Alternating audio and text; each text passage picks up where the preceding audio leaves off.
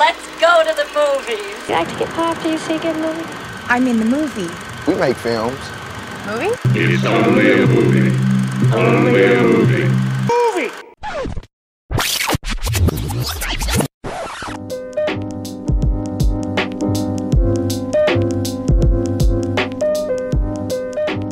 Har du fået øh, alt sand ud af undertøjet siden sidste uge? Yes, it's coarse and it's rough and it gets everywhere.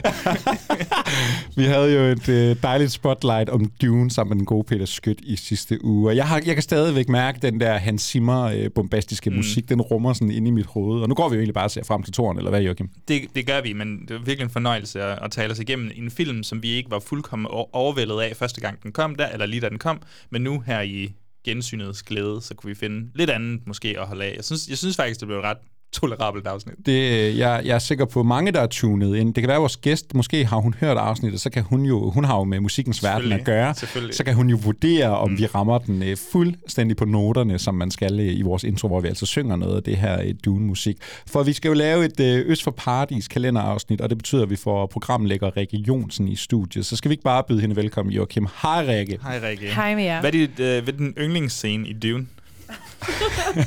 du har også læst bogen, sagde du til mig, inden vi begyndte at optage. Øh, nu sætter du en form for fælde for mig her, Ja. ja. Joachim. Men, Jamen, øh, det må have noget at gøre med alt det sand, der bliver rullet ind i undertøjet. Nej, det er da en øh, Har du set kæmpe, Dune? kæmpe... Ja, det Ja, har jeg. godt. Øhm, desværre ikke i biografen. Så jeg tror, at den, øh, der er et gensyn, jeg skal prøve at, at finde et eller andet sted, en, en anledning til at se den på det store lærred, inden jeg skal se turen. Ja, det kunne jo være en god Ja, jeg ved jo anledning, godt nok, at jeg sidder lidt på en biograf og måske nogle muligheder. Ja, jeg tænker, du øh, har nogle værktøjer i dit liv, hvor det kunne lade sig gøre. Ja, jeg er ked af, jeg tror ikke, det bliver aktuelt nede i min biograf. Kan du huske den der øh, musik, der er i Dune, hvor øh, Hans Zimmer, der brager der ud af hende der øh, dame, der sådan synger cirka spot on. Ja. Hvordan tror du, det lyder, når mig og Joachim og øh, Peter Skødt, vi kunne gøre det? Kunne du forestille dig, det lød smukt? Ja, det kan jeg godt. jeg har aldrig set nogen fisk så meget efter en kompliment, som ikke gør. Ja, jeg ved det godt. Jeg lover, jeg tager lige et lyt på jeres øh, Mm. episode. Ja, og så skriver du tilbage, om vi har en musikalsk karriere Jeg slog efter os. 15 sekunder.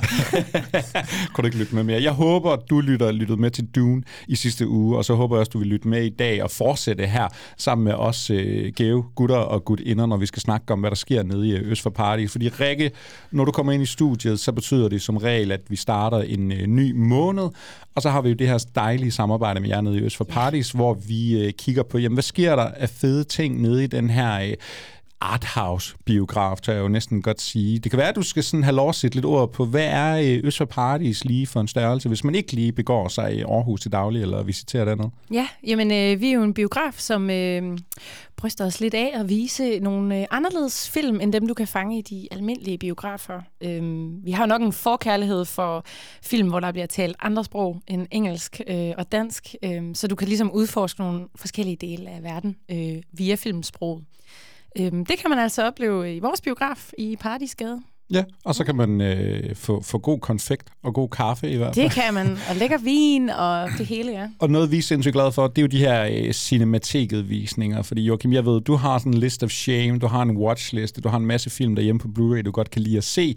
Men der er jo bare sådan nogle film, der bliver større, når man ser på det øh, store lærred. Vi har i hvert fald haft mange gode oplevelser med at, at både se øh, nye, gamle film, opdage dem på det store lærred, men så sandelig også at, at gense altså film, vi har set før, men fordi de kommer op på det store lærred, så bliver det bare en større oplevelse. Vi, jeg tror, vi sammenfattede lidt her øh, året, der gik, hvilke store oplevelser vi har haft øh, på det store lærred. Jeg tror, Lawrence of Arabia ja. så vi sidste år. Det var ja. En kæmpe milepæl at se den øh, i biografen. Havde ja, nu skal vi snart ned og se noget Brian De Palma. Det bliver øh, også virkelig godt lige at strege ham af på listen Yes. over film af, man nu har øh, set i biografen.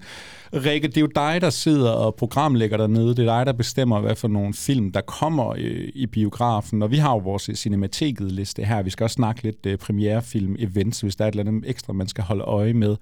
Når du som programlægger øh, går ind på dit arbejde, hvad er, sådan, hvad, hvad er missionen for de film, du vælger, hvis vi nu snakker cinemateket øh, mere generelt? Ja. Altså, hvad, kan du godt, hvad, hvad skal fremhæves?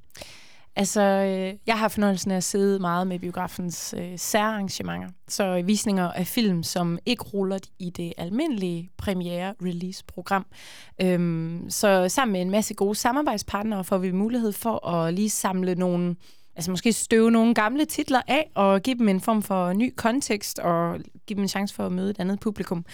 Så når vi kigger på de ting, blandt andet i, i Cinematiksprogrammet her, så, øhm, så kan det jo meget handle om nogle historier, som kan være almengyldige, men som øh, bor i nogle andre stemmer og nogle andre kroppe, nogle andre nationaliteter, nogle andre socialklasser, og miljøer. Ting, der øh, kan være med til at præsentere publikum for en bredere og mere mangfoldig verden, end det vi kaster vores blik på, når vi øh, ruller igennem diverse feeds af nyheder og medier, sociale mm. medier. Der er simpelthen behov for den der øh, lange, stille bevægelse igennem fortællinger. Øh, og det, det kan biografen heldigvis, og det synes ja. vi især, at vi vil give plads til. Det er også alle slags fortællinger. Altså, det er heller ikke, fordi det er den 8 timer lange øh, russiske et eller andet. Altså, det er også, der er også nogle cool film en gang imellem, og det er, sådan, præcis. det er nemlig mangfoldigt, og vi kommer til at repræsentere mange forskellige slags film. Ja, præcis. Altså, der er mange kontemporære stemmer, som, som var aktuelle i 90'erne, 80'erne eller 50'erne, men hvor der er et eller andet, der kan overføres til, til den tid, vi lever i nu. Der er altid et eller andet, du kan samle op. Og jeg ser sådan på vores øh, martskalender for Cinemateket-programmet her, jeg ser nogle genganger, jeg ser nogle sådan forventelige titler, og så ser jeg jo også, vi har verdens bedste film i marts, og selvom vi har Citizen Kane i samme kalender, så er det jo altså ikke den, vi snakker om, men det, det skal du lige fortsætte uh, med at høre yeah. med for. Det, at, det vender vi tilbage til. At finde ud af her. Joachim, har du kunne se nogle, øh, vi prøver jo altid at holde øh, Rikke op på hendes røde tråde, om øh, der har været en eller anden sammenhæng her. Er der, er der nogle tematiske oversigter, du kan spotte i den her kalender, vi skal til at tage os af? Uh, jeg, har, jeg har ikke kunne finde den helt deciderede tematiske connection mellem de forskellige film, fordi jeg, jeg føler virkelig, i den her kalender, der kommer vi vidt omkring. Yeah. Vi, har, vi har selvfølgelig kunstfilm, vi har nogle mere kultfilm, som jeg glæder mig især til at snakke lidt om, og så måske nogle moderne, klassiske og feministiske klassikere. Yeah. Altså, jeg synes, det er meget sådan alsidigt. Jeg har bare skrevet Return of Wes Anderson. Det er jo, ja. Øh, På en måde så øh, kommer det her program til at modsige noget, jeg sagde lige før, fordi at, øh, der er jo faktisk rigtig meget øh, engelsk øh, dialog ført ja. i filmene, vi har her. Der er nogle store amerikanske... Men de er jo så alle sammen italiensk dobbelt, det skal man lige huske, de her ja, men versioner. Vi skal, på, vi skal til Cuba, roadtrip og Ja, der er så lidt forskelligt. Skal tur til Norge, alt muligt. Ja, ja. Mm-hmm. World Cinema, det her. Skotske, der... skotske højland. Rikke, er der nogle af de her film, du vælger, fordi... Øh, og nu tænker jeg selvfølgelig på en meget specifik titel, vi skal snakke om, som jeg glæder mig til.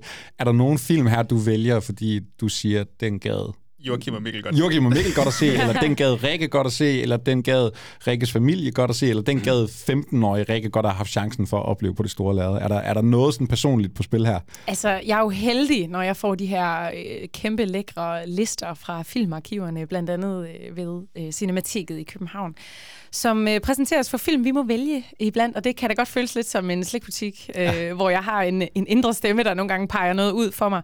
Andre gange, så er det jo fordi, vi har nogle samarbejdspartnere koblet på visningerne, såsom den film, som øh, jeg ved, du øh, bygger lidt op til, og snart øh, er ved at springe over, skal fortælle om, hvor det jo faktisk er øh, et initiativ fra oplægsholderen til filmen. Øhm, så her kan vi glæde os til en god øh, velsmurt aften. Ja, altså vi har jo fået lov til at se nogle af de der brutolister, du sidder og arbejder med ud fra, hvad du vælger, og så kan man jo godt sidde som sådan en savlende film, der siger, har vi, har vi plads til dem alle sammen? Ja. Kan vi køre seks cinematikudvisninger om dagen? Jeg synes fandme, det er, det er dejligt, der bliver holdt liv i noget øh, filmkultur her. Jeg synes lige, vi skal prøve at kigge på premierefilm eller events, om der sker noget særligt nede i... Øh, ned i øh, Øst for Paradis. Jeg ved, der starter noget århundredes festival. Kan det passe, Rikke? Ja, og, det gør øh, Vi har en ny film af Isabella Eklof på vej. Den her øh, filmatisering af bogen Kalak, der har noget forpremiere den 4. marts. Og øh, forfatteren af bogen, Kim Leine, han kommer altså og snakker lidt om sin film. En øh, film, jeg går og glæder mig sindssygt meget til. Jeg ved, Joachim, du har også set øh, hendes tidligere film Holiday, en ja. rimelig barsk omgang. Det ligner lidt noget andet, det her, vil jeg sige. Og jeg, jeg tror ikke, jeg ved alt for meget om det. Det glæder mig også lidt til. Det er noget med en fyr, der flytter til Grønland, og så har han altså et rimelig barsk ophav med en øh, far, der har misbrugt ham og alkoholiseret og traumatiseret ham. Og så er det jo ja. Kim Leines personlige også øh, fortælling om, ja at vokse op på Grønland og, og møde med den her kultur. Ja. Bogen Kalak har jo været en, øh, en bestsælger i Danmark øh, omkring den her norske hovedperson, der flyttede til Grønland, øh, baseret på netop personlig, øh, en personlig historie. Og vi skal have en forpremiere på den, det skal vi under den her århundredes festival, som har temaet Norden. Og derfor kommer vi til at tage nogle nedslag i øh, sådan nordisk film øh, og kulturhistorie. Øhm, og her bliver det event, det bliver så den 2. marts, så jeg retter dig oh, lige. Ja. øhm, hvor, øh, hvor Kim Leine selv kommer og deltager i sådan en forfattersamtale øh, efter visningen af filmen. Fedt. Og jeg øh, siger jo også lige, at marts, det er jo Oscar-måneden. Det begynder, Ja. Nu begynder det virkelig at spidse til med nogle af de her øh, Oscar-nominerede filmer, dem man har kunne opleve igennem januar og februar. I har været så snedige, at øh, Past Lives, som jo også lige har været måske en enkelt Oscar-nominering, eller har den et par håndfuld flere? Nå, jeg har ikke lige memoreret det, Mikkel. Men Noget jeg har en enkelt i hvert fald. Ja, noget original manuskript Ja. i hvert fald. Og Ja. den har jo egentlig først regulær premiere efter Oscar-uddelingen. Den har også Best Picture. Har den også Best. Picture? Ja. Fantastisk.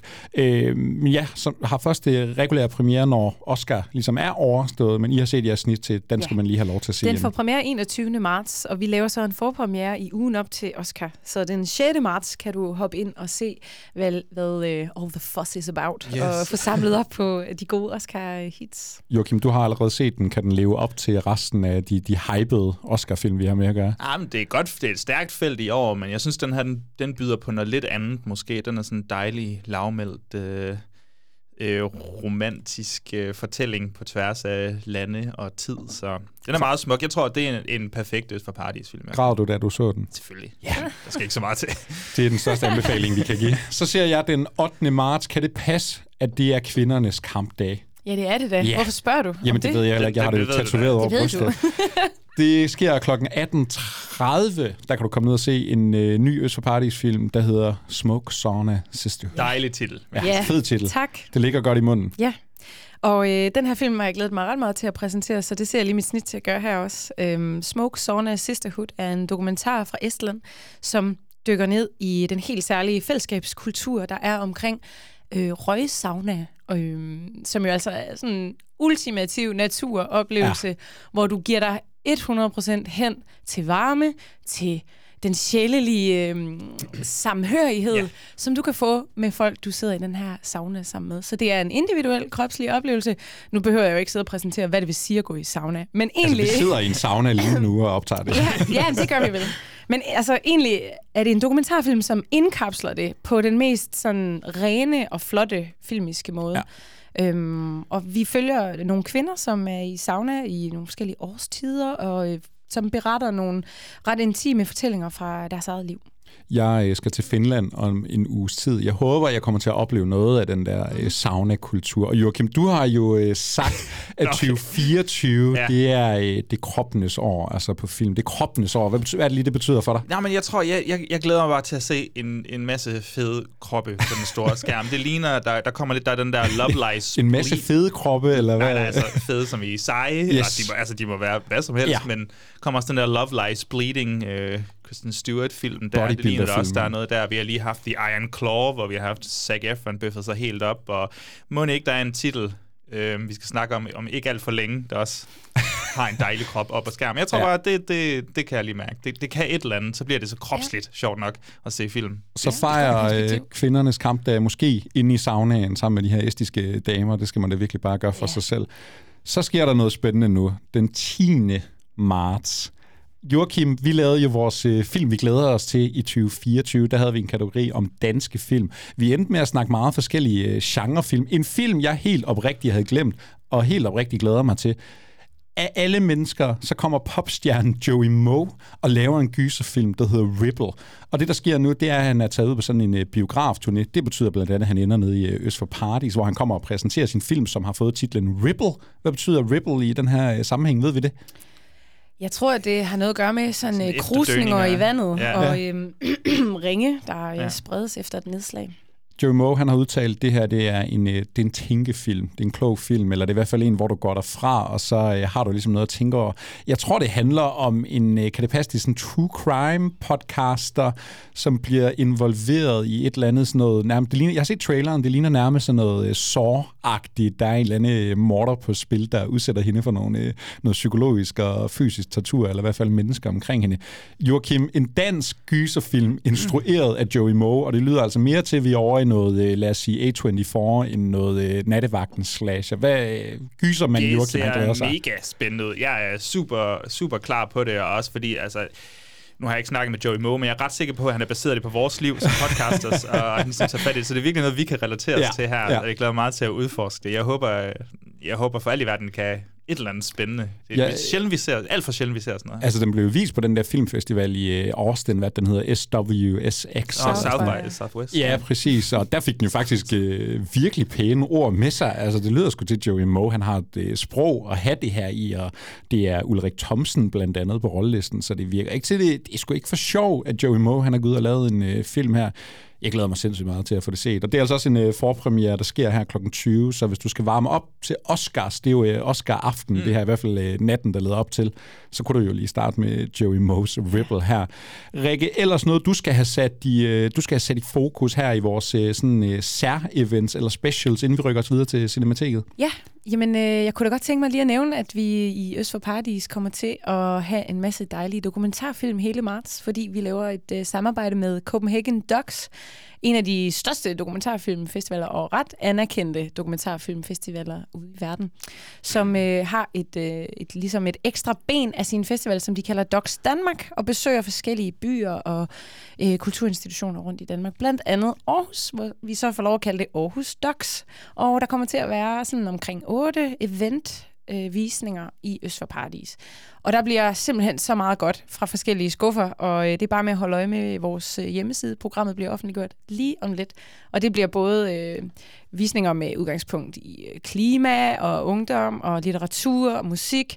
Der kommer til at være alt muligt godt. Øhm, Docs har virkelig øh, sådan, placeret sig som ja, en af verdens førende dokumentarfestivaler, og har altid nogle sindssygt spændende programmer med både hvad der handler om film og kunst og natur og mennesker. De har virkelig en masse fede ka- kategorier, politik og sådan. Det, det er virkelig et sted, hvor du kan blive oplyst ja. på verden, synes jeg. ja, lige præcis. Hvad med dig, Joachim? Hvordan er øh, forholdet til øh, dokumentarfilm? Er det noget, vi, det er jo ikke noget, vi snakker så altid om her Nej, på vi har, ikke, vi har ikke lavet top 10 dokumentarfilm, men det kunne være sjovt at gøre. Ja. Altså, jeg, jeg vil sige, at jeg har set en masse dokumentarfilm, og jeg har også brugt docs ret meget. Jeg så en, der hed vist nok Solutions for nogle år siden, hvor, hvor, den, hvor de samlede sådan x antal forskere, videnskabsmænd, eksperter, og så skulle de prøve at løse verdens problemer og sådan noget sådan helt... Jeg kan huske, der var, et, fedt. ja, jeg kan huske, der var et år, hvor der var to dokumentarer om SoundCloud-rap.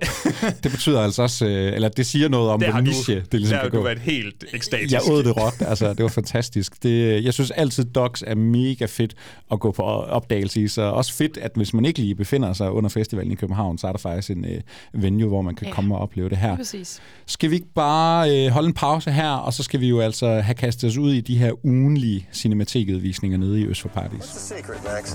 The secret? I think you just gotta find something you love to do and then do it for the rest of your life. For me, it's going to Rushmore. Sharp little guy. He's one of the worst students we've got. We're putting you on what we call sudden death academic probation. Could I see some documentation on that, please? Did you invite that kid to your party? Max Fisher. Come on, Dad. There's gonna be girls there. I'd rather die. Pull your head out of your. Maybe I'm spending too much of my time starting up clubs and putting on plays. It's time, homie. Kiss me, little one. I should probably be trying harder to score chicks. I like your hat. You're a teacher here, aren't you? Oh, I'm so glad you could come. I want you to meet a friend of mine, Peter Flynn, Max Fisher. Hi. Who's this guy? Has it ever crossed your mind that you're far too young for me? I like your nurse's uniform, guy. These are OR scrubs. Oh, are they? I don't know what you see in her. I, I don't think she's right for you. What's that supposed to mean? Hello, Herman. How are you, Rosemary? I know about you and the teacher. Og som altid, så ligger de her øh, cinematikket-visninger på en tirsdag. Men den første tirsdag i øh, marts, fordi det er Oscars, så sker der noget særligt. Du får faktisk kun én cinematikket-visning. Vi plejer jo gerne at have sådan en øh, double feature. Men øh, der er simpelthen ikke tid til flere denne gang, fordi du får også en hel masse film i den her øh, pakke, vi giver dig.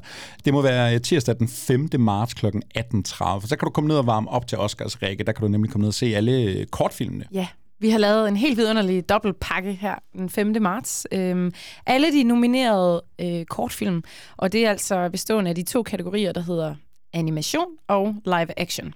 Så vi har ikke øh, Best Documentary Short mm. med. Den må man jo så øh, måske anskaffe sig øh, lejlighed til at se efter Oscar-uddelingen. Men altså i anledning af den her fantastiske prisfest den 10. marts, så, øh, så får vi lov at vise det her program.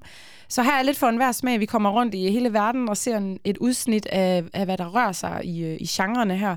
Og jeg tror bare, hvis man er til Oscar Boss og mm. synes, at man har været igennem øh, Poor Things og Zone of Interest og øh, Past Lives, som man selvfølgelig også har billet til, så skal man selvfølgelig også have Oscar kortfilmsaftenen med. Øhm, og vi har slået det sammen som sådan et dobbeltprogram, hvor, øh, hvor vi holder en pause imellem de to programmer, hvor man kan få en drink i vores foyer, og sådan lige snakke om alle de indtryk, man har fået. Ja. Er der nogle øh, sådan highlights? Jeg tænker, den danske, det danske bud, Ja. det bliver vel vist? Det er jo hvad? nemlig ret fedt, at øh, Danmark igen er repræsenteret i den her kategori. Det har vi været før, og øh, vi har faktisk også vundet den før. Jeg tror, det er hele fire gange, Danmark har vundet i kortfilmsgenren. Og, og Kim har også, Magnussen øh, har vel produceret dem alle han, sammen. han øh, står som producent på det meste af det, tror jeg. Jo, jo. Øhm, det er en dansk film, som hedder Ridder Lykke. Jeg tror, den er oversat. Night of Fortune. Ja. Af en instruktør, der hedder Lasse Liskjær Nord. Og øhm, det er jo mega fedt, at man har et sted at, at hæppe. Nu er jeg ikke selv personligt sådan den store patriot, når det kommer til, til Oscar-kategorierne. Øhm, men, men jeg synes, at det er lidt fedt, at man kan hæppe med på en dansk film her. Jeg kan se, at der også står øh, Wes Anderson. Der er altså nogle øh, Netflix-kortfilm her, ja, man får lige lov til at opleve i Den biografen. her uh, The Wonderful Story, The Story of the Wonderful Henry Sugar, jeg kan ikke huske den Ja, et eller andet den stil. Ja.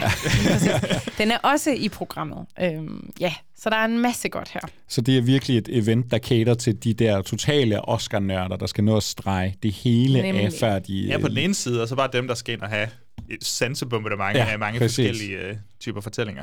det, man, kan, gå- man kan godt sådan lidt glemme kortfilm nogle gange, og det gør jeg da også sådan lidt selv i forhold til Oscar. Det er måske ikke lige den kategori, jeg sidder allermest på og siger, jeg skal lige huske at se alle Oscar-filmene. Simpelthen også, fordi de måske ikke lige altid er tilgængelige på samme måde som Mm. mm. resten af programmet. Så jeg synes jo, det er oplagt, at der er nogen, der giver en mulighed for, at man kan komme ned og øh, se det her. Det er altså også en, en ganske anden sådan, fortællekunst. Øh, selvfølgelig er det nogle gange lidt massivt at se for eksempel 14 kortfilm øh, hen over fire timer.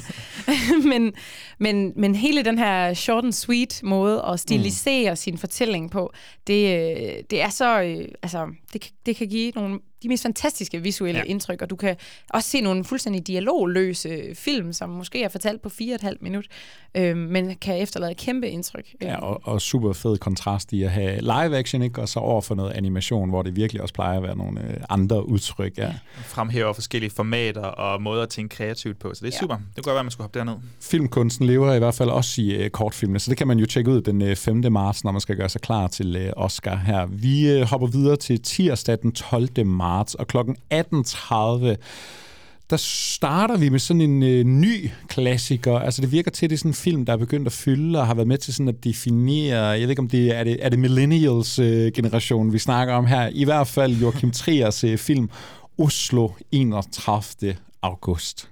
Ja. Ja.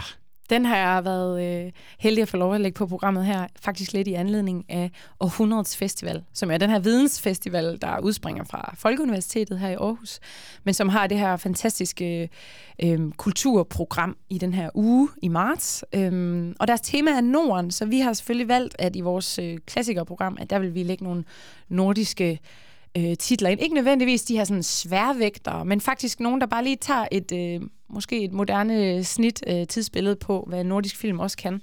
Og vi viser så Joachim Triers øh, Oslo 31. august, som jo er en del af det, der er blevet benævnt som Oslo-trilogien, ja. som jeg tror mange har fået ind på lystavlen i forbindelse med hans øh, film Verdens værste menneske, som er fra 21 eller 22. Ja, noget af 22, den tror jeg, stil, ja. Som ligesom blev betragtet som det tredje afsluttende kapitel i den her trilogi. Men i øh, Oslo 31. august, det er altså sådan kapitel 2, kan man sige, hvor øh, vi følger en, øh, en hovedperson, der hedder Anders, som er øh, narkoman, og som tilbringer øh, sin øh, tid på et afvendingscenter. Øhm, og som titlen afslører, så udspiller filmen sig på en dag, fordi han har fået en jobsamtale, som han har fået udgang til at deltage i. Han bliver ligesom sendt afsted med penge til taxaen og held og lykke til jobsamtalen.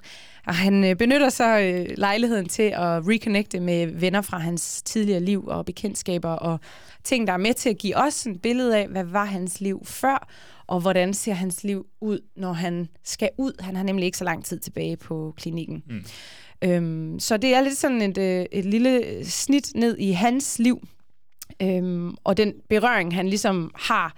Øh, vi ser så også en hovedperson, der vandrer lidt hvileløst rundt i, øh, i Oslo som sådan the backdrop øh, fra det menneskelige drama, hvor han føler sig alene og er måske lidt afkoblet fra det liv, der har fortsat, mens han har været på i, i rehab. Mm. Øhm, og vi får sådan nogle perspektiver på, hvad der er det, hvad er egentlig det normale liv. Øh, er det noget, han kan se sig selv vende tilbage til? Øhm. Og så tænker jeg sådan en skildring der i slut 20'erne, og vi har uh, Anders Danielsen lige, som er med i flere af de der norske film. Man ja, kan se ham i ja. håndtering af udøde i uh, biograferne lige nu. Og Joachim, jeg ved, du har brugt din valentinsdag på at gense verdens værste menneske, yes. hvor han jo også Ej, en god valentinsfilm. Ja, men den, det er kæft et Så han kunne spejle sig i den, ja, i titlen, eller mærke. men han er sindssygt god i den også, og han, han kan et eller andet med sit ja. ansigt. Det er meget heldigt, altså, når han er skuespiller. Joachim Trier bruger ham jo i øh, hver af de tre film i trilogien, og på en måde som repræsentant repræsentant for nogle forskellige livsfaser for den moderne mand, mm. den moderne norske mand, mm. i øhm, reprise fra 2006, tror jeg det er. Øh, der er han den her unge, spirende forfatter øh, i sine 20'ere. Så i øh, Oslo 31. august, der er han sådan i 30'erne og er ved at samle op på sig selv og indse, hvor meget han egentlig har fejlet, og hvornår kan han, og hvordan kan han ligesom rejse sig igen. Og så i Verdens værste menneske, hvor hovedpersonen jo egentlig er en kvinde, det er Julie, men der spiller han Julies kæreste, som er i 40'erne, og som er mm. Godt og grundigt afklaret med, hvad han vil. Øhm, ja, på nogle punkter. han vil gerne balancere, hvad kan man sige, øh, kunsten og livet, ja. og, og børnene og familien og drømmen om, om fremtiden. Ikke? Og han får lov til at spille i Verdens værste menneske også. Altså ja. virkelig sådan lavmiddel skuespil på en eller anden måde, men også stort skuespil. Ja. Altså han ja. bærer virkelig nogle tunge, tunge følelser, men han er også fantastisk i, ja. i Oslo-filmen ja. også. Der ligger det nærmest hele jo på ham hele vejen igennem. De er dejligt, dejligt melankolske, ja, tror jeg. Ja, det er sådan noget, hvor man lige kommer til at spejle sig lidt og se lidt ind af, og hvis man er i de der, især de der, sådan, altså den samme alder der, ikke, så kan man virkelig genkende måske meget af sig ja. selv i, hvad de her karakterer går igennem. Det kan godt være, det er lidt sådan en uh, millennial touch ja, base. Jeg, vi skal lige ind og se, hvordan vi har det, hvordan er temperaturen uh, i synes... et egentlig velstillet uh, miljø, ja. men så i Oslo 31. august, der er det jo så crashet fuldstændig for ja. vores hovedperson, ikke? men han hele tiden står lidt op af det liv, han også kunne have haft. Ja, øh. og, og mennesker, der sådan hele tiden skal præsentere sig selv, men bare er sindssygt skrøbelige, når, ja. når alt kommer til alt. Det kan, jeg tror jeg, vi alle kan ja. spejle os lidt ja, i en gang imellem. Jeg synes, det er vildt, hvordan uh, Joachim Trier og hans uh, makker der, hvad hedder han? Eskil, Eskil Fugt. Eskil Fugt, ja, hvordan ja. de bare sådan definerer norsk film, i hvert fald hvad vi nok sådan mest ser i uh, resten af verden. Der har de altså virkelig fundet en formular, ja. der er rigtig god. Samme aften, 2045, jamen hvis Norge, de har Joachim Trier, så har vi da Lars von Trier. Breaking the Waves fra 1996, også en del af århundredets festival her. Den kan du altså komme ind og opleve i øh, biografen, Joachim. Er det, øh, hvordan er dit forhold er til Lars von Trier? Det er så, øh, det, du ved, jeg, jeg har ikke set alle hans film. Jeg vil sige, jeg har måske set en, enten halvdelen eller lige under halvdelen eller sådan noget, men jeg, jeg har set Breaking the Waves før. Det er en, jeg, jeg har sagt det her mange film, vi har taget sag indtil videre i, i alle vores kalender, men det er en af de typer film, jeg tror, for, for det rigtige menneske, så kunne den være livsændrende. Mm. Øhm, og det er jo også uh, Triers sådan store internationale gennembrud. Han har lavet de der, er det Europa-trilogien inden det her. Og nu prøver han at gå en, en lidt anden vej og spille på nogle måske lidt andre tangenter. Den handler jo om jamen hvad hedder det, en, en, en olieborer, oliemand? Ja, sådan en øh, olieboreplatform. Ja, Øh, Jan Danske Jan, spillet af Stellan Skarsgård, han øh, kom ud for et uheld, og så bliver han simpelthen lam i, i kroppen. Og så har vi jo så hans, øh, hans kone, spillet af Emily Watson, hedder hun vel. Og, og hun har sådan, ja, bedt bedt til Gud om, at han vil vende, at, at han vil vende tilbage til, til hende, men nu har det jo så ændret sig i et vist omfang, og hun føler sig måske lidt skyldig. Og så er der jo det dejlige triaske twist, at øh, sex betyder jo meget i hans film, og for den kære danske Jan, vi følger her, så betyder sex også rigtig meget, men han er nu i, ude af stand til at performe det akt. Ja, og så, de er jo lige blevet gift, ikke? Ja. Altså, så øh, der skal noget tilfredsstillelse til. Det er jo det. Så han prøver at injicere i hende sådan viljen, lysten til at have sex med andre mænd, og så skal han have lov til at kigge på. Og det er jo mega provokerende. Det er jo ekstra provokerende, når han sætter den i den setting, han nu gør, for vi er det skotske højland. Religion betyder en masse tro, håb betyder en masse, kærlighed betyder en masse, sex betyder en masse. masse. Og så har vi den her uskyldige hovedperson, der får pålagt sig alle de her sønder og sådan forventninger og Ja, man kan sige, det der, når, når man bare skal ud og dyrke sex med en masse ja, mænd, hvordan gør altså, man lige så, det? så møder man også nogle visse typer ja, mænd, ikke? Som kommer virkelig ud for meget, og jeg tror, at det her så er en del af hans sådan uskyldighedstrilogi, eller i hvert fald uskyldighedsfilm, hvor hoved, hovedrollen er sådan virkelig, virkelig uskyldig.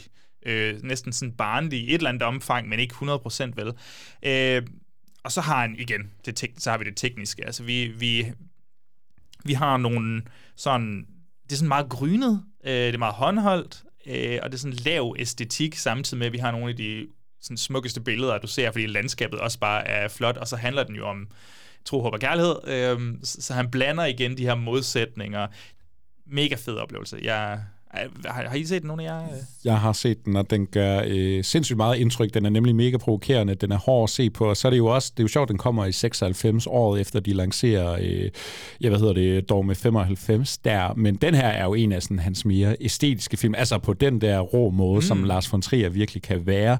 Men jeg tænker sådan, hvis du lige kigger på Breaking the Wave, så kommer Dancer in the Dark bagefter, så kommer Dogville, så kan du altså snakke om at, at, at destruere dig selv følelsesmæssigt, og hvad de her ja, kvinder, som det er i hovedkaraktererne, hvad de ligesom går igennem. Jeg synes, det er en fuldstændig vanvittig film, det her. Mega, mega rørende, og, og Watson, jeg mener, det er hendes uh, skuespils debut, og hun det gør det kun endnu vildere. jamen, den, hun ejer den jo fuldstændig. Altså, det er sådan en, hvis man ikke har set den, så er det biografladet, man skal se den på, fordi det er en stor film, både det, i følelser og... Ja, og altid en stor oplevelse at opleve en Lars von Trier-film, om det er første eller anden eller tredje gang. Og jeg ser også bare lige navn som, ja, Stellan Skarsgård selvfølgelig, men uh, Sean Mockbar og Udo Kier, de uh, dukker selvfølgelig også op som nogle ja, af de her mænd, hun skal involvere sig med. Så gå ind og smadre dig selv med Breaking the Waves, så skal du få en rigtig god oplevelse.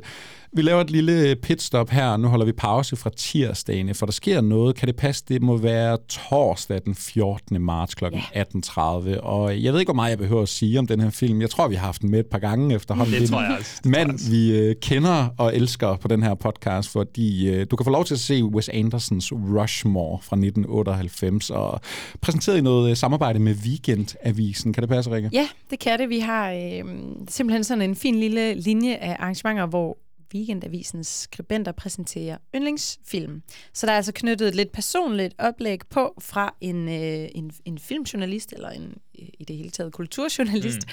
som har øh, en eller anden øh, spændende erfaring at dele ud af omkring valget af film, og så skal vi så sammen se den her film. Og det er derfor, det er fedt, at den så kommer igen, ja. når man kan få et andet vinkel på det. Det er ikke bare... Ja, til trods for, at vi har haft den flere gange. Nu havde vi jo sidste år uh, Wes Anderson uh, kavalkade. havde vi en hel kavalkade, ja. en hel serie, ja, ja. Øhm, Æ, hvor vi ligesom var igennem en kronologi, og vi snakkede om hans udvikling og sådan ja. noget. Jeg synes, den her, den holder jo også at blive vist igen. Det gør den nemlig. Det er klart, det har jeg sagt mange gange på den her podcast, det er min yndlings Wes Anderson-film. Det er en af mine øh, absolute mm. yndlingsfilm sådan ud af alle. Jeg tror, jeg havde den med i vores uh, to ja. års fødselsdagsafsnit, hvor jeg ville vise den på første date. Vi havde en kategori, man kunne øh, tage med der. Jeg synes, det er en fantastisk dejlig film. Jeg synes, det er Wes Anderson, der er perfekt kontrolleret i øh, det sprog, han nu ligesom øh, har defineret for sig selv, men også er mere menneskelig, er mere sårbar, ikke? fordi vi har det her trekantsdrama mellem øh, Jason Schwartzman og Bill Murray, og den engelsk lærer, de bliver forelsket i, og så den fight, der ligesom opstår. Og Jamen, hvad fanden han gen... gode citater. Ja, han genindspiller, øh, hvad hedder den, uh, Serpico, og der er noget Apocalypse Now-agtigt til sidst, og OR Scrubs, oh are they? Det er, der er så fedt. Der er så mange gode citater i den her. Jeg har set den utallige gange, men det er faktisk endnu ikke lykkedes mig at se den i biografen, så jeg tror sgu, jeg øh, griber chancen den her gang. Vi øh, springer videre, og vi stopper faktisk øh, lidt med tirsdagen i nu. Nu skal vi over på en søndag, fordi nu kommer der altså noget ja. til øh, børnene. Filmklubben, den vender tilbage med en kul klassiker. Ja, vi laver lige et pitstop mere, fordi at øh, Filmklubbens arrangementer ligger jo gerne om søndagen, og gerne om eftermiddagen. Så det er klokken 14, søndag den 17. marts, at vi viser Bennys Badekar. Den øh, danske børnefilms klassiker fra 1971, instrueret af Flemming Kvist Møller og Jannik Hastrup. Øhm, de er jo også lidt nogle koryfærer i dansk øh, børnefilm og børnelitteratur. De har fingeren med i spillet på rigtig mange klassikere, såsom Cirkeline og Cykelmyggen Egon. Og nu har jeg selv som barn rigtig meget set øh, en vidunderlig film også, der hedder øh, Fuglekrigen i Kanøffelskoven. Ja, det var dengang, man kunne noget med titler. Altså. Ja, virkelig. Øhm, og så er der, ligesom i Bennys badekar, så er der det her fantastiske mix af fantasifuld historiefortælling og, øh, og musik. Øhm, det er simpelthen ligesom at, at være i en drøm og se Bennys badekar. Ja. Han, han, øh, vores hovedperson er jo en dreng, der hedder Benny, som keder sig lidt og øh, som søger lidt eventyr i sin fantasi. Og her udfolder det sig så i badekarret på hans øh, badeværelse i hans lille bitte lejlighed. Det er virkelig... Og, øh, en helt ny verden åbner sig ja, nemlig. og det er virkelig også en helt ny verden, der åbner sig for mig. Det er fandme sjældent, vi har noget af de her cinemateket-programmer, hvor jeg sådan er på helt bare bund og overhovedet ikke sådan kender noget til, hvad er de her film, hvad er det for nogle type film. Joachim, er det noget, du er vokset op med det her, eller Ej, kender noget til? Nej, ikke altså? vokset op med. Altså, det gik bare op for mig, at den havde lidt kul status internationalt. Ja. Jeg tror, der er et eller andet amerikansk Blu-ray øh, distributionsselskab, der har restaureret den her Okay. og, Ja. og smidt den ud til amerikanere. og Sådan. Okay, altså, den, sjovt. den, den må have et eller andet spændende at byde på, jo. Altså, øh, dansk børnefilm eller børnetv har jo måske også et, øh, et ry for at være lidt grænsesøgende og være, øh, være noget, der øhm, er vildt interessant at opleve i tiden, Ja. ja. men også uden for tiden, når det flytter lidt ud af 70'erne her. Ikke? Der er nogle, øh, noget, noget sprogbrug og noget kropslighed, som vi absolut ikke ville se i øh, Okay. amerikansk produceret børnetv i hvert fald. Altså Og er det sådan, hvor vi siger, at det er lidt politisk ukorrekt Ja, i det dag, eller bare sige. lidt mere det- grænsesøgende på, Ja. på den måde, børnefilm nu kan være? Ja. men som har det der dejlige rene fra, fra børnenes univers, som de vil jo aldrig tænke, tænke usle eller forskrækkede Mm. tanker ind i. Det, det er mere sådan en eventyrlig opfattelse. Øhm, Hvor- Hvordan er øh, animationsstilen? Altså er det bare sådan en helt klassisk tegnet farve? Jeg forestiller mig en masse farver i det den er her meget film. kraftig faglade Ja. her, øh, og brede penselstrøg. Øh, Så nok ikke forvente sådan en Disney-budget. på ingen måde, men, men altså helt vidunderlig varm fortælling, og, øh, og selvfølgelig er den, er den lavet i, i 1971, øhm, men der er nogle meget kulørte figurer med, øh, altså krabbe, blæksprutte, havfruer, Hummerdrengen kan læse. altså, og noget helt fantastisk jazzmusik også. Øh, det er Jesper næsten en lille Klein, øh, musical. Ja. Jesper Klein, Peter Belli, Otto Ja. navn. Jytte Appelstrøm. Fantastisk. Vidunderligt stemmearbejde. Det er, det er en af mine sådan, blind spots i min øh, filmuddannelse. Det kunne godt være sådan... Danske 70'er animationsfilm. Ja, og, ja, men generelt bare sådan en børnefilm. Og Spring sådan noget ud i det, Mikkel. Ja, jeg tror sgu, badekarret. øh, skal Ja. jeg ned og øh, være en del af filmklubben her? Det kunne man da godt øh, forestille sig. Det er så et meget, meget populært arrangement, det her. Ja. Så øh, vi, øh, vi har nemlig solgt øh, tæt på hver eneste sæde i salen, så vi Okay, arbejder okay. måske lidt på, om vi kan Men du lave kan få nogle VIP-sæde, som er et badekar. Ja, som et badekar op foran. så foran lærredet. måske også en generel opfordring til at holde øje med øh, de her øh, cinematikudvisninger og filmklubben på forhånd, fordi især filmklubben, hvis du skal have billetter til det, så skal du altså være ude i øh, god tid. Og det er jo også, der plejer jo lige at blive, ja, nu havde vi noget fucking åmål i sidste måned, hvor man kunne få noget kakao til, og vi har haft Ja. nogle pebernødder, eller hvad det var, til Ja, dyrene i Hakke Bakkeskoven. Hvad sker der til Bennys badekar? For det er Ja. lidt noget mere kreativt. Jamen, vi kan altid godt lide at lave det der ekstra tiltag. Og øh, til Bennys badekar, der bliver det sådan en øh, krea-workshop. Simpelthen, øh, der bliver lagt øh, limstifte, sakse, karton, alt det gode stages frem på bordene, sådan at øh, børn og barnlige sjæle kan lave sine egne små akvarier, eller kæmpe blæksprutter, der kan hænge fra lofterne. Og det er bare ren kreativ værkstedsudfoldelse. Fedt. Det lyder mega fedt. Jeg tager mit eget øh, badekar med, og så ses vi bare dernede. Ja, det lyder godt. Bring your own bath. Nu skal vi frem til uh, tirsdag den 19. marts. Jeg kigger på klokken 18.30. Jeg håber kraftedme, I sidder ned. Også dig, lytter. Sæt dig ned. Uh, for, altså, mine hænder de begynder at ryste, fordi jeg skal lige se, om jeg læser korrekt, hvad der står i mit program her. Om der er sket en fejl, om uh, jeg har fået et uh, andet program fra, fra, fra en helt anden type biograf. Den 19. marts, årets visning, tør jeg allerede godt kalde den nu. Glem alle premierefilm, glem alle andre cinematikudvisninger. Du kan simpelthen komme ind og se Jean-Claude Van Damme i Bloodsport. Kamp til døden fra hvor- 1988. Hvor mange, mange af vores lyttere tror du, der havde tænkt, det var en helt anden titel, der kom nu? Sådan De troede, det var Citizen Kane, de skulle ind og endelig opleve, eller Lawrence of Arabia, der kom tilbage. Rikke, jeg kan ikke forstå det. Vi, vi får simpelthen chancen for at opleve Bloodsport i, i, i biografen. Altså, hvor, hvor kæmpestort er det her? Det er kun mig, der er så begejstret, eller I er også helt op at køre? Ej, jeg glæder mig også ret meget til. Det bliver så fedt. Joachim, vi har aftalt, vi, vi tager, vi tager 16.000 øl med ind i biografen, mm. og så sidder vi og øh, går i split op på sæderne. Præcis. Og så skal vi bare se Bloodsport her. Øh, hvad Men man kan også kun have sådan en fascination af den her film.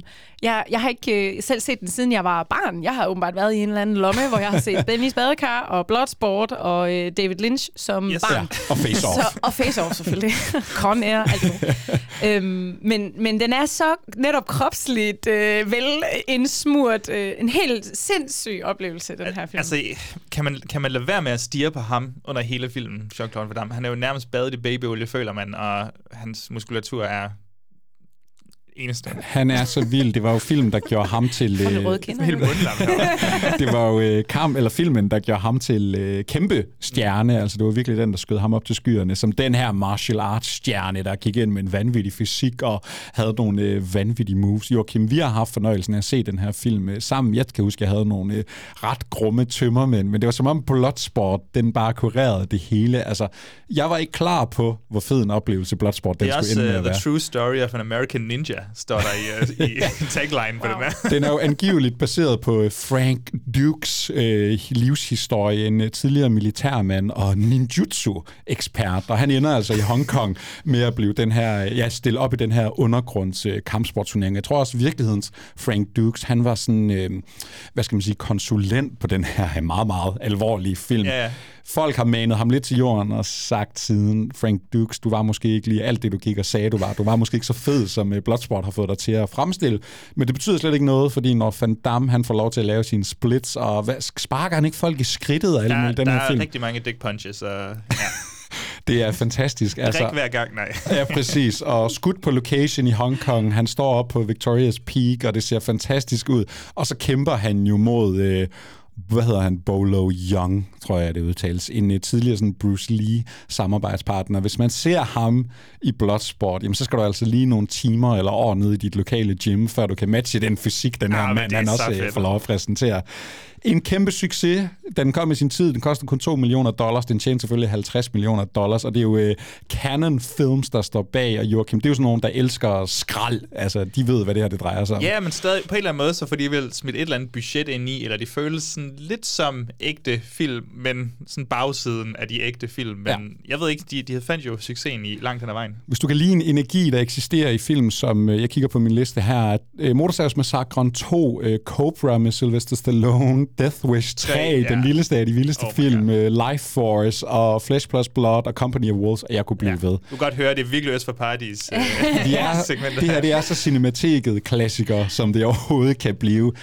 Jeg har booket mine billetter, det er jo ikke engang... Altså, altså, jeg skal bare ind og se den film, og det kan være, at jeg får lov til at se den tre gange, hvis jeg spørger Jeg glæder filmen. dig til, Rikke, når du skal ind og gense den her. Ja, hvad bliver, det, hvad bliver highlightet? Øhm, jamen, jeg husker nogle sådan ret intense musiksammenstød, øh, eller sådan øh, musik-battle-koreografien, øh, eller sådan mixet klipning, tror Ja. jeg prøver at sige. Jamen også fordi der er så meget slåskamp i den her Ja. film. Altså hvis du går ind med en forventning om, at du vil virkelig gerne se folk slås, jamen så er du fandme heldig, fordi det er det, du får lov til her. Det er ikke bare Du får kun, ikke alt for meget mere. det er ikke bare kun træning, montages eller kedelig snak eller noget. Ja. Det her, det er Jean-Claude Van Damme, der skal ind og vise, han kan fandme Ja, tæve men det er nogle også folk. fedt, fordi han er jo også en god skuespiller, så man får rigtig meget sådan karakterdybde igennem hans ansigts... Øh, ja, Jeg kan mærke mit liv med Jean-Claude Van Damme. Det er kun lige startet, men altså, hvis det starter med Bloodsport, så tror jeg egentlig også bare, det er peaked på mange måder. Men jeg er glad for, at I bifalder det her spor, klassikerserien også kan tage, fordi at, øh, det handler jo også lidt om at vise nogle film, der Ja, altså, jeg vender stærkt er i det der brede repertoire. Ja. Næste måned, så satser jeg på, at der kommer, eller med et par måneder satser jeg på, at der kommer en Schwarzenegger-film. Er Jamen, øh, næste, predator. måned, Ja, er, tak. næste måned er det ikke cinematikket-visninger, der er det bare canon-visninger, Canon Film for. Group, ja. Jeg er så glad for, at vi kan se Bloodsport det er side om side med film som Citizen Kane, vi kommer til senere her, fordi de hører jo på en eller anden måde sammen. De er jo lidt det samme, ikke? Samme aften, hvis du nu øh, skal se noget andet end Bloodsport, eller du tager to film, hvad siger du, Rikke? Du skal jo egentlig huske at nævne, at ud over Ja. gensynet med Bloodsport, så kan du også få en introduktion til Præcis. filmen. For Der- jeg ved, der sidder en filmekspert derude, Andreas Halskov, som glæder sig til at fortælle om, øh, Yes. om øh, sådan the campiness øh, af den her film. Jeg tror også, det er super fedt, fordi det er en film, du kan slå hjernen fra, men jeg tænker, det er rigtig godt, Andreas han lige får sat måske noget kontekst, nogle filmhistoriske ord på nogle kloge ord til en, skal vi være ærlige og sige, lidt dum film, eller hvad? Ja, ja, men, men altså, det er jo ikke sådan en so bad it's good. Nej, det er slet ikke det. Altså, den er oprigtigt fed, den her Fantastisk. film. Men der er det også fedt nogle gange at få nogle eksperter ind, der ligesom kan, kan ramme sætte sådan, hvad er dens i særdeleshed gode kvaliteter, så vi ikke bare går ind og tror, Nå, men nu skal vi ind og fjolle med den her fjollefilm. Præcis. Øh, samme aften, den 19. marts, vi er på her kl. 21, så kan du altså gå lidt tilbage i filmhistorien. Måske lige få et lidt andet tempo. Øh, Joachim, du har set en film fra 1959, der hedder Vor mand i Havana. Hvor man i Havana. Ja, en dejlig, dejlig spionfilm.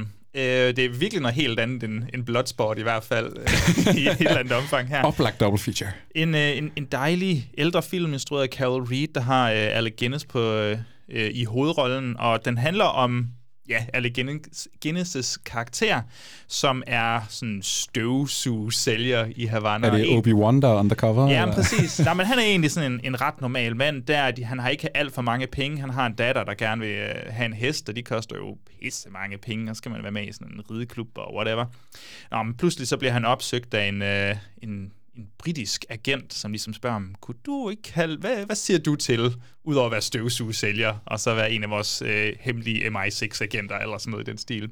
Og han siger, jo, bum, bum, bum, bum. jo, ved du hvad, det vil jeg rigtig gerne, fordi han hører lige, hvor meget han får i, i hyre for det, så det betaler jo den der hest rimelig godt. Og så, og så tænk, altså, I kan godt høre, at, er det en seriøs film, eller er det en fjollefilm, det her?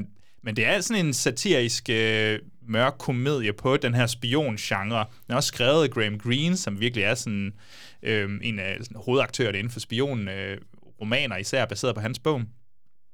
Og så, så det bliver sådan en satire på, den spider lidt det her, fordi Alec Guinness er ikke sindssygt god til sit job. Faktisk så fabrikerer han bare nogle rapporter og bilder lidt øh, det britiske agentur ind, at jo jo, nej, men jeg har hyret alle de her andre mennesker til at være agenter hernede, så I kan bare sende de der penge til mig. Keep them coming, og så pludselig så løber alle hans løgne jo op til ham. Så det er så, James Bond, hvis han var en slacker? Eller ja, på en måde, fordi, og så kommer vi jo hen mod sådan en anden halvdel af filmen, hvor han har løjet lidt for meget, og så kulminerer det jo, fordi man skal huske på, det er jo spioner, og det er jo onde personer, der er i gang. Øhm, så, så pludselig, du har jo set den tredje mand, ikke, om ja. som Carol Reed også har lavet, også øh, i samarbejde med Graham Greene. Det er der de, altså det er sort-hvid, det er de ja. skæveste vinkler, det er film noir. Jamen, jeg skulle til at spørge, der ser vi noget af det øh, Og det kommer her? så hen mod, lige så stille mod klimakset, hvor det ligesom begynder at blive mere og mere intenst. Så fyrer Carol Reed også bare op på alle cylindre, og nu bliver det den tredje mand-agtigt. Så, så altså, hvis du kan lide spiongenren, hvis du kan lide film noir, den leger lidt med det hele, og så, så gør den også lidt grin med det, fordi det var ligesom Graham Greens, øh, han var, han var tidligere MI6-agent, tror jeg, og så har han ligesom brugt sine erfaringer til at skrive de her bøger, og baseret den her film på nogle virkelige hændelser, øhm, og så satte det i Cuba, sådan lige inden Cuba-krisen, og han forudser lige nogle enkelte ting, så den er også spændende på sådan en historisk plan. Altså, nu siger jeg overraskende god film, det var fordi, jeg ikke rigtig kendte til den inden. Øh, den kan man, man kan sagtens se de her to film efter hinanden, hvis det er det, man har lyst til. Jeg ved ikke, om øh, I skal med på turen. Jeg har allerede booket øh, sammen med Jean-Claude en tur til Hongkong, og så er det Guinness og mig, vi tager til Cuba, eller Havana øh, bagefter her. En meget, meget smuk aften, som jeg glæder mig utrolig meget til at opleve. Vi springer frem til øh, marts sidste tirsdag, nu hedder det øh, den 26. marts, og vi starter klokken 18. Og Joachim, vi har jo haft en fornøjelse af, jeg ved sgu ikke lige, hvordan det er opstået, men vi øh, har været nede og præsentere feministiske mesterværker på stribe. Først ja. havde vi uh, The Virgin Suicide, så fik vi den sydkoreanske The Handmaiden. Og nu får vi fornøjelsen af igen at øh, præsentere nogle seje kvinder, for øh, den her aften kl. 18, ja, der kan du opleve uh, Thelma and Louise fra 1991. Og det er jo sådan en, øh, en klassiker, er det vel efterhånden blevet, og det er jo en, måske en lidt atypisk Ridley Scott-film, altså en mand, vi primært kender for sådan noget Blade Runner, House of Gucci selvfølgelig. Ja, naturligvis. Og, øh, Gladiator. og Gladiator, ja. Han øh, lavede den her fantastiske, dejlige film, og jeg tror, jeg så den faktisk for første gang, det er ikke mere end et år siden eller sådan noget, og jeg har fået ind i mit hoved, det var sådan lidt mere en wacky komedie. Altså, mange kender måske uh, slutscenen, hvad der sker i den her film, og så får man sådan lidt, hvad er det lige for en type film, det her? Den er jo meget mere end bare en wacky komedie. Altså, det er jo en virkelig sådan øh, fed fortælling om to kvinder, der øh, slår sig sammen og skal overkomme nogle problemer i deres liv, og især overkomme nogle øh, mænd, der giver dem problemer i deres liv. Vi møder øh, Thelma and Louise, der er spillet af Gina Davis og øh, Susan Sarandon. En fantastisk parring, hvis man nogensinde har set to kvinder på film. De blev begge to øh, nomineret til bedste kvindelige hovedrolle. Det er så sket meget øh, få gange. Og det giver super god mening, fordi de slår bare knister på mm. den her skærm. Og så udvikler det sig jo til sådan en øh, roadtrip-film, øh, hvor de bare kommer ud på en rejse. De møder en kæmpe lækker Brad Pitt på deres vej. Det står også øh, gnister med ham, og Michael Madsen spiller yes. en fortørnet øh, ekskæreste, der jagter dem. Har vi Keitel også med Har vi Keitel, Steven øh, Tobolowski. Der dukker nogle fede ansigter op, der ligesom alle prøver at komme ind på livet øh, på de her to kvinder. Ved I, hvem der ellers var, øh, var, kunne have været den rolle, som øh, Brad Pitt han ender med at spille, som den her unge blaffer JD, og det blev Brad Pitts øh, store gennembrud? Det er selvfølgelig Jean-Claude Van Damme. Jean-Claude Van Damme og Alec Guinness, nej. De, øh, jeg kunne læse mig til, at uh, der var navne som uh, William Baldwin i spil, George Clooney, han gik til audition fem gange, han fik den sgu mm. ikke. Nej. Mark Ruffalo var der, og uh, okay. Robert Downey Jr. Kan I se jer tilfredse med, at vi så ender med en sådan lidt langhåret Brad Pitt, der ja. står og ser? Den er jo alt afgørende for Brad Pitts ja. karriere i hvert fald. Um, Ja, så det kan man jo godt ja. sådan have gode øh, følelser til års for, at det gik den vej. men det er sjovt, altså det er jo nogle store navne, navne du nævner øh, af mændene, men det er jo kvinderne, der fuldstændig ja. altså, udspiller alle dem her, og den er virkelig underholdt. Den er en, god, det er en fantastisk roadtrip-film, også en Bonnie and Clyde tog på flugt Ja. film, og bare Badlands. en af de bedste Ridley Scott-film også. Altså. Virkelig, altså jeg, var, jeg synes helt oprigtigt, det er et mesterværk, det her. Jeg var fuldstændig på røven over den der sådan emotionelle kerne, der ligger i det her. Det handler jo, de kommer jo på flugt, fordi de øh, slår en fyr ihjel, der har været rimelig ubehagelig over for dem i starten af filmen, ikke? Og så den der sådan rejse, de skal på sammen, og som det er i roadtrip-film, ikke? de kan jo egentlig ikke rigtig lide hinanden. De kender jo ikke rigtig hinanden. De skal jo også lige ind på øh, livet af hinanden, og så ender det bare med at blive en øh, fantastisk tur igennem Amerika, og den der fantastiske, meget symbolske slutning, hvad der ligesom sker med de her to. Jeg synes, det er øh, stor, stor filmkunst. Jeg glæder mig, Joachim, til at vi skal ned og sætte lidt ord på Thelma Louise og Ja, øh, den gode Ridley Scott, der instruerer her. Ja. Så er der kun én film tilbage. Vi troede, Bloodsport skulle være øh, månedens største film, men der er måske en lille film, i hvert fald sådan statusmæssigt, der godt kan slå den, hvis vi skal være helt ærlige. Kl. 21, der kan du få streget en af de allerstørste Bum. af din øh, watchliste eller list of shame. Bum. Citizen Kane. Hvad skal man sige? Den store Ja. yeah. mand, den største mand. Den største Den mand. største mand. Den store mand hedder den i hvert fald på dansk. Øhm, Orson Welles, også en dejlig stor mand, og han er på det her tidspunkt jo talentet, et unikum i Hollywood. Øh, en ung herre, der har fået lov til at få frie hænder til at lave det største passionsprojekt. Fået lidt hjælp på manusfronten af, af en Mankiewicz, og det kan man kigge på, øh, på David Finchers spillefilm Mank og finde ud af, jamen, hvordan var det her forhold, eller i hvert fald, hvordan er I leg- legenden om Orson Welles og, og Mankiewicz her? Kigger man på filmen, jamen så har vi den store mediemogul Charles Foster Kane, som tager sit sidste åndedrag, og han, øh, der siger han i samhørighed, Rosebud. og så tænker man, alle journalisterne, der selvfølgelig er inde i lokalet der, de tænker, hvad fanden betyder det? Kender sgu ikke lige, er det hans ekskone, ekskæreste, Ja. haft et barn, hvem fanden er Rosebud? Og så får vi lov igennem en masse banebrydende flashbacks og sådan lidt anderledes kronologisk øh, fortælling, lov til at finde ud af, jamen hvem var den her giganormiske mediemogul? Og så kan vi sidde her 80, lidt over 80 år efter og tænke, altså hvad er det gode ved den her film? Og det kan nogle gange være svært at sætte ord på, fordi den har jo blevet kåret som den bedste film nogensinde, adskillige år i træk, men det er jo bare, den er jo banebrydende på fortællestrukturen, banebrydende på måden, den er optaget på. Greg Toland, en af de bedste fotografer nogensinde, skyder de flotteste sort-hvid billeder, hjælper Orson Welles med at lave de fedeste ja, billeder generelt. Deep focus, baby. Deep focus-billederne, og bygger sæt og kulisser til, at vi kan bevæge kameraet på en helt bestemt måde, og det er sådan noget, man måske ikke nødvendigvis lægger mærke til første gang, man ser filmen, og så kan man lige få lov til at læse en lille bitte smule om den, så, hov, jamen, den er faktisk så banebrydende, som folk gør den til. Rik, øh, fylder Citizen Kane noget i dit liv, eller skal du ind og have krydset den af en øh, list of shame her? Eller hvad? Nej, jeg har set den. Ah, Jeg har godt. set den. Jeg kan godt høre, hvad I fisker efter.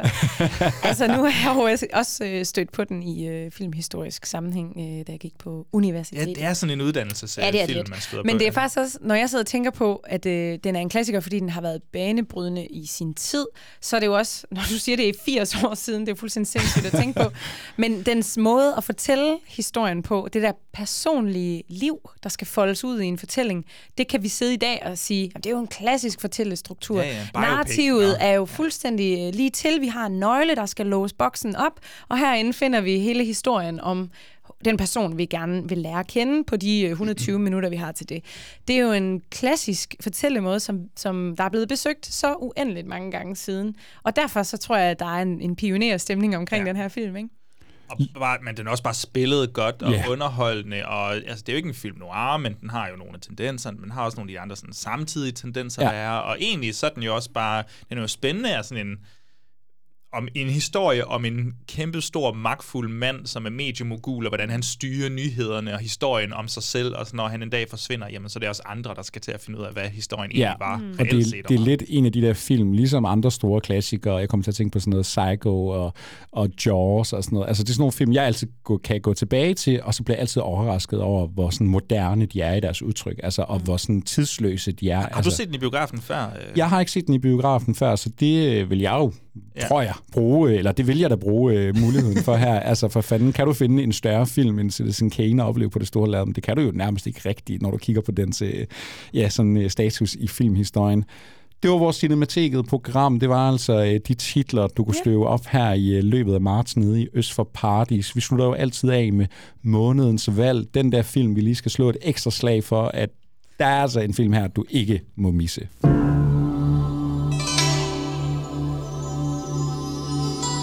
For centuries, the Society of the Black Dragon has sanctioned an ancient rite of combat known as the Kumite. Open only to the world's most lethal warriors. It has never been won by a Westerner. You are not Japanese. I can do it. Now, for the first time, the true story of America's super agent Frank Dukes can be revealed. I min perfekte overgang her, så tror jeg egentlig bare, at jeg vil slå et slag, eller måske slå nogen i skridtet for Bloodsport.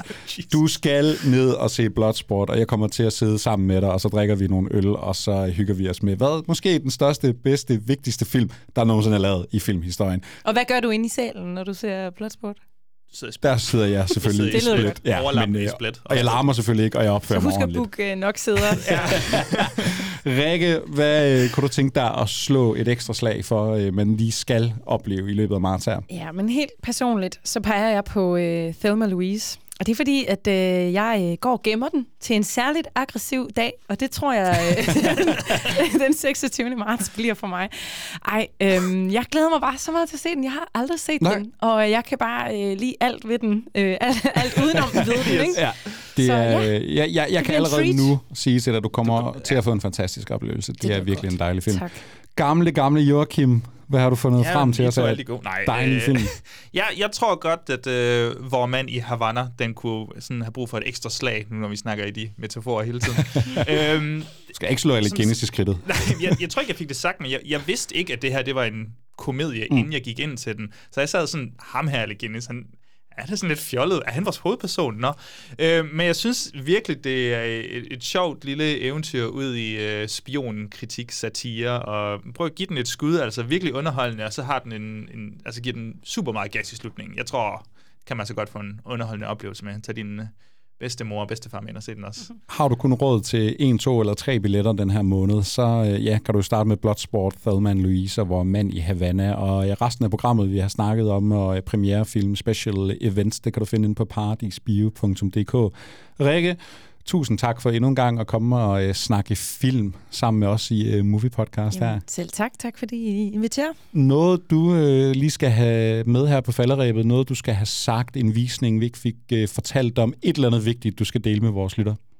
Jeg vil bare sige, øh, hop ind og følg med på vores øh, socials, øhm, fordi om, øh, om ikke så længe, så, øh, så kan vi præsentere det her virkelig fede dokumentarprogram. Det glæder ja, jeg mig ja. selv rigtig meget til, med CBH Docs, der flytter til Aarhus. Hold øje på sociale medier online, eller hop ned i biografen og fang sådan en uh, cinemateket flyer her, ja. så kan du altså holde dig orienteret i, hvad der sker. Joachim, kan vi holde os orienteret i, hvad der sker i Movie Podcast de næste par uger? Vi uh, satser på, at vi kan nå at anmelde noget Dune 2 måske. Vi er ved at... En over stor film. vi, vi kæmper rigtig meget for at få en, en visning af stedet, men det, det satser vi meget på. Der skal i hvert fald anmeldes lidt, og så tror jeg, vi har, eller jeg ved, vi har fået en gæst på besøg, ja. og vi har optaget afsnittet endda. Vi skal snakke top 10 Spielberg ja. sammen med Nikolaj Tarp, så det bliver sindssygt spændende. Landets største Steven Spielberg-fan, han kommer og, og rangerer de 10 bedste Steven Spielberg-film med os. Rikke, har du en yndling Steven Spielberg-film? Nu kan jeg kaste dig fuldstændig on the spot. Ja, wow. E.T. The Extraterrestrial. den er jeg meget glad for. Øh... Lincoln. nu sidder jeg og tænker, er det ham, der lavede Jurassic Park? det er, er ham, der har lavet Jurassic Park. Ja, den er jeg sgu vild med. Ja, fedt, fedt mand. Jamen, vi må se, om den dukker op den i øh, vores top 10. Vi tager The Lost World i stedet for. Det kan man glæde sig til. Der kommer i hvert fald øh, meget mere movie podcast. Så vi ses her i podcasten eller ude i biografen.